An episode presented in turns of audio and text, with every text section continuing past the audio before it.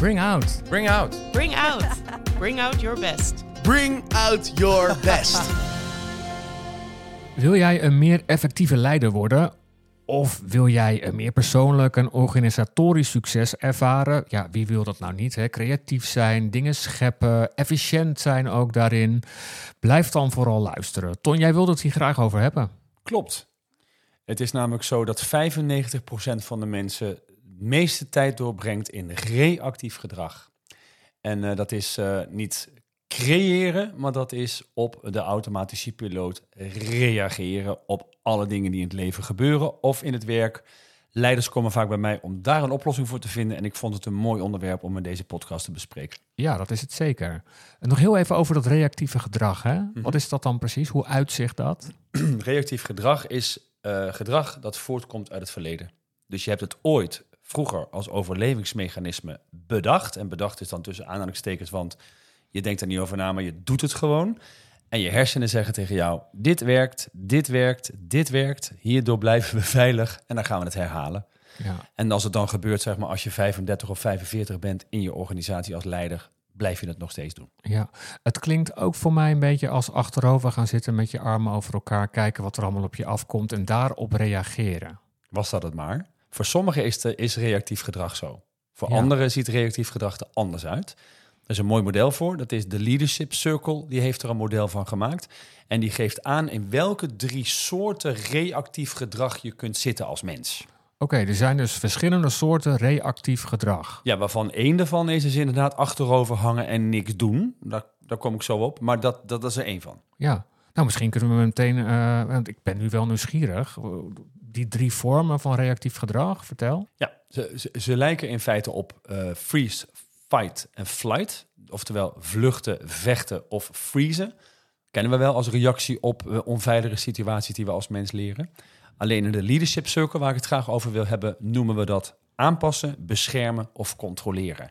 En dat zijn de drie reactieve gedragingen die je vroeger bedenkt op een onveilige situatie en waarvan je hersenen zeggen: hey, die werkt, die ga ik herhalen. Oké, okay, dus ik ben leider in een bedrijf en dan ga ik me aanpassen. Hoe ziet dat eruit?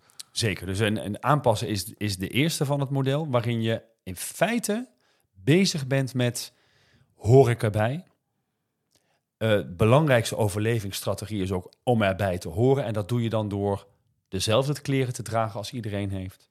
Het eens te zijn met iedereen die iets zegt. Waardoor je in allerlei rare situaties terechtkomt. Je kunt het niet met iedereen eens zijn. Uh, niet meer heel erg op te vallen met je eigen mening. Uh, blending in, zou je kunnen zeggen. Oh, herkenbaar. Ja, dus het gaat heel erg te maken met... oké, okay, als ik me aanpas, dan word ik geaccepteerd... en dan ga ik gewoon doen wat andere mensen doen... en ga ik vinden wat andere mensen vinden. Ja. En wat gebeurt er dan niet? Nou, je bent niet meer uh, over je eigen mening ben je eerlijk. Je gaat niet meer zeggen waar je voor staat... Uh, je gaat uh, vanuit de angst om erbij te horen, ga je niet meer staan voor waar je voor staat. Dus dat kan wel eens tegen je waarde gaan. Uh, dus in feite word je een soort beige. Ja. En beige worden, ja, als leider beige zijn. Ja, we zeggen wel eens wie nergens voor staat, valt voor alles. Dat is eigenlijk op deze leider van toepassing. Ja. Ja, en ik kan me voorstellen dat er dan het bedrijf ook niet echt gaat gloeien of gaat bloeien of gaat creëren als het zo. Dat zeg je goed. Dat zeg je goed. Dat is eigenlijk met alle reactieve gedragingen. Als je dat langer dan een aantal maanden doet, heeft dat een direct negatief effect op de resultaten van je bedrijf. Ja, dus dit is het aanpassen. Dit is aanpassen. Ja. Dan hadden we nog twee andere. Ja, beschermen en controleren. En beschermen, dat zijn de mensen die hebben iets van zichzelf te beschermen. Bijvoorbeeld, um, ik ken een, een, een, een dame, een, uh, die, uh, die had een, een oom, daar was ze dol op op die oom. En ze was een jaar of zeven en die oom is jarig en ze had zich prachtig aangekleed en ze springt voor die oom en die oom zegt, wat heb je nou aan? Je lijkt wel een protestanten. En op dat, op moment dacht zij, dit is niet goed. Nee. En ze heeft de hele dag achter de stoel gezeten. Oh. En vanuit dat overlevingsmechanisme van min of meer vluchten uit de realiteit en niet meer tevoorschijn durven komen, heeft ze als overlevingsmechanisme, heeft zij vluchten uit de realiteit bedacht. En dat kun je op allerlei manieren doen. Je kunt dat doen door daadwerkelijk uit relatie te gaan. Dus je hebt mensen die zeg maar dit als overlevingsmechanisme hebben en sigaretten zijn gaan halen en nooit meer terugkomen. Maar dat er daarvan niet zeggen, maar die zijn ineens weg. Of dat zijn van die mensen die je appt en die dan niet meer reageren. Dat je zegt, waarom, waarom reageert hij nou niet? Nou, we hebben wel eens klanten waar we drie maanden, nou, dat, en dat reageert niet meer. Dat is heel gek. Dan zit je zeg maar in het afschermen of in het beschermen. Werkt niet. Of je wordt heel kritisch op anderen en je kijkt niet meer kritisch naar jezelf. Of je wordt heel arrogant, waardoor je zeg maar jezelf boven de ander plaatst en dan gaat het ook niet meer over jou. Oh, dus het, het beschermen van jezelf. Beschermen van jezelf of door kritisch te zijn op anderen, of uit relatie te gaan, of om gewoonweg uh, arrogant te gaan doen, jezelf boven anderen te plaatsen. Ja. Ja. En wat is het effect van dit mechanisme, van deze vorm van reactief leiderschap? Nou ja, dat, dat mensen kunnen je niet meer bereiken. Dus die, die, die snappen niet waar jij eh, staat. Die, die denken van, hé hey joh, waarom mag het nou nooit over jou gaan? Dus je ziet weinig eh, zelfreflectie, je ziet weinig kwetsbaarheid, waardoor mensen minder vertrouwen krijgen. Want het is niet meer congruent in hoe mensen zich uiten. Dat je denkt, waarom neem jij geen verantwoordelijkheid hiervoor? Je bent wel kritisch op ons, maar niet kritisch op jezelf. Dan gaan mensen op een gegeven moment niet meer pruimen. Dus dan, dat, daar, gaan, daar gaan van allerlei dingen gaan dan gebeuren in het team... waarin mensen denken, ja, maar als jij het niet doet, gaan wij het ook niet doen. Nee. Oké, we hebben beschermen gehad. Aanpassen heb je duidelijk over verteld. En er was er nog eentje. Ja, dus controleren. Controleren. En controleren gaat over dat je als leider dingen die er gebeuren, dat je er meer of bijna tegen ingaat. Dus je probeert de stier die op je afkomt, niet zeg maar met een dans te verleiden, maar die probeer je zo tegen de vlakte te krijgen. En dat kun je ook op allerlei manieren doen. Je kunt dus ofwel in een soort van vechtstand gaan. Dus te denken, oké, maar dit gaat gewoon lukken. En dan krijg je een soort van burning ambition, maar dan ga je dus over lijken. Ja. Dus dit moet gebeuren, maar je kijkt niet meer naar achteren naar je team om te kijken wat je met je team Ja. is. Dan ga je dus over lijken. Ja, ik, ik, begrijp, ik ga je een beetje, eh, eh, een beetje afremmen, Tom. Want ik begrijp heel erg wat je zegt. Hè? Mhm. Maar ehm, kan je een concreet voorbeeld geven van, van dat controleren? Zeker. Je kunt als leider zeggen, dat is wat ik wil bereiken. Ja. En dan is het resultaat ineens het meest belangrijk. Ja. En om het resultaat te behalen, is alles wat er gebeurt met mensen of met... Dat zou dan op een gegeven moment... Daar ga je gewoon niet meer aan denken. Je wordt zo ongelooflijk taakgericht... dat je niet meer denkt over... hoe lopen mijn mensen erbij? Zijn ze eigenlijk moe? Waarom krijgen zoveel mensen nou eigenlijk een burn-out?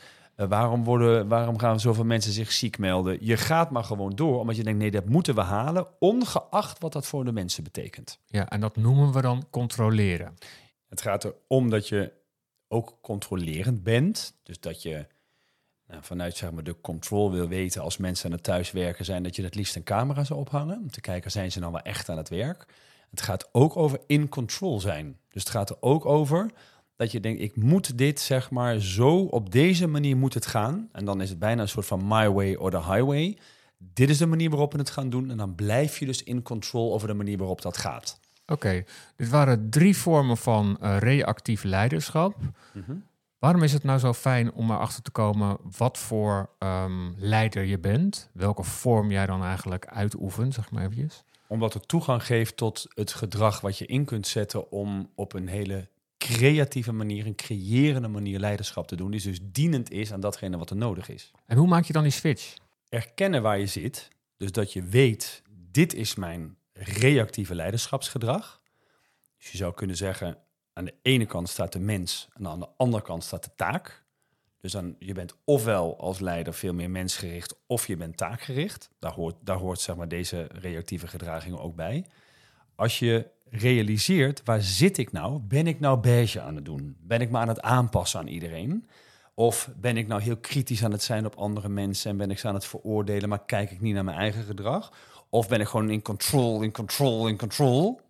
Waar ik me overigens absoluut niet in herken. Dat Eh, was een grapje, toch? Zeker, dat, die laatste, dat, eh, op het moment dat ik met mijn eigen bedrijf en dan ga ik controleren. Ja. Dat is echt verschrikkelijk. Dat moet ik niet doen, maar dan krijg ik ook nog een andere kop bij. En mijn early warning system, en dat is dus precies waar het over gaat. Als je dat bij jezelf gaat herkennen. En mijn early warning system zit bijvoorbeeld op het moment dat ik in control ga, krijg ik hier zo, net onder mijn borst, krijg ik zo'n soort van krampachtig gevoel. Waarin ik denk, ja, weet je, dit gevoel. En dat is mijn early warning system, waarin ik weet, ho, wacht eventjes. Ja. Dus als je dat gaat herkennen van wat is nou mijn early warning system, dan kun je bedenken, oké, en hoe stap ik hier uit? Want dan gaat het namelijk over, hoe kun je nou iets gaan creëren? Dus dat je niet reageert op wat er is.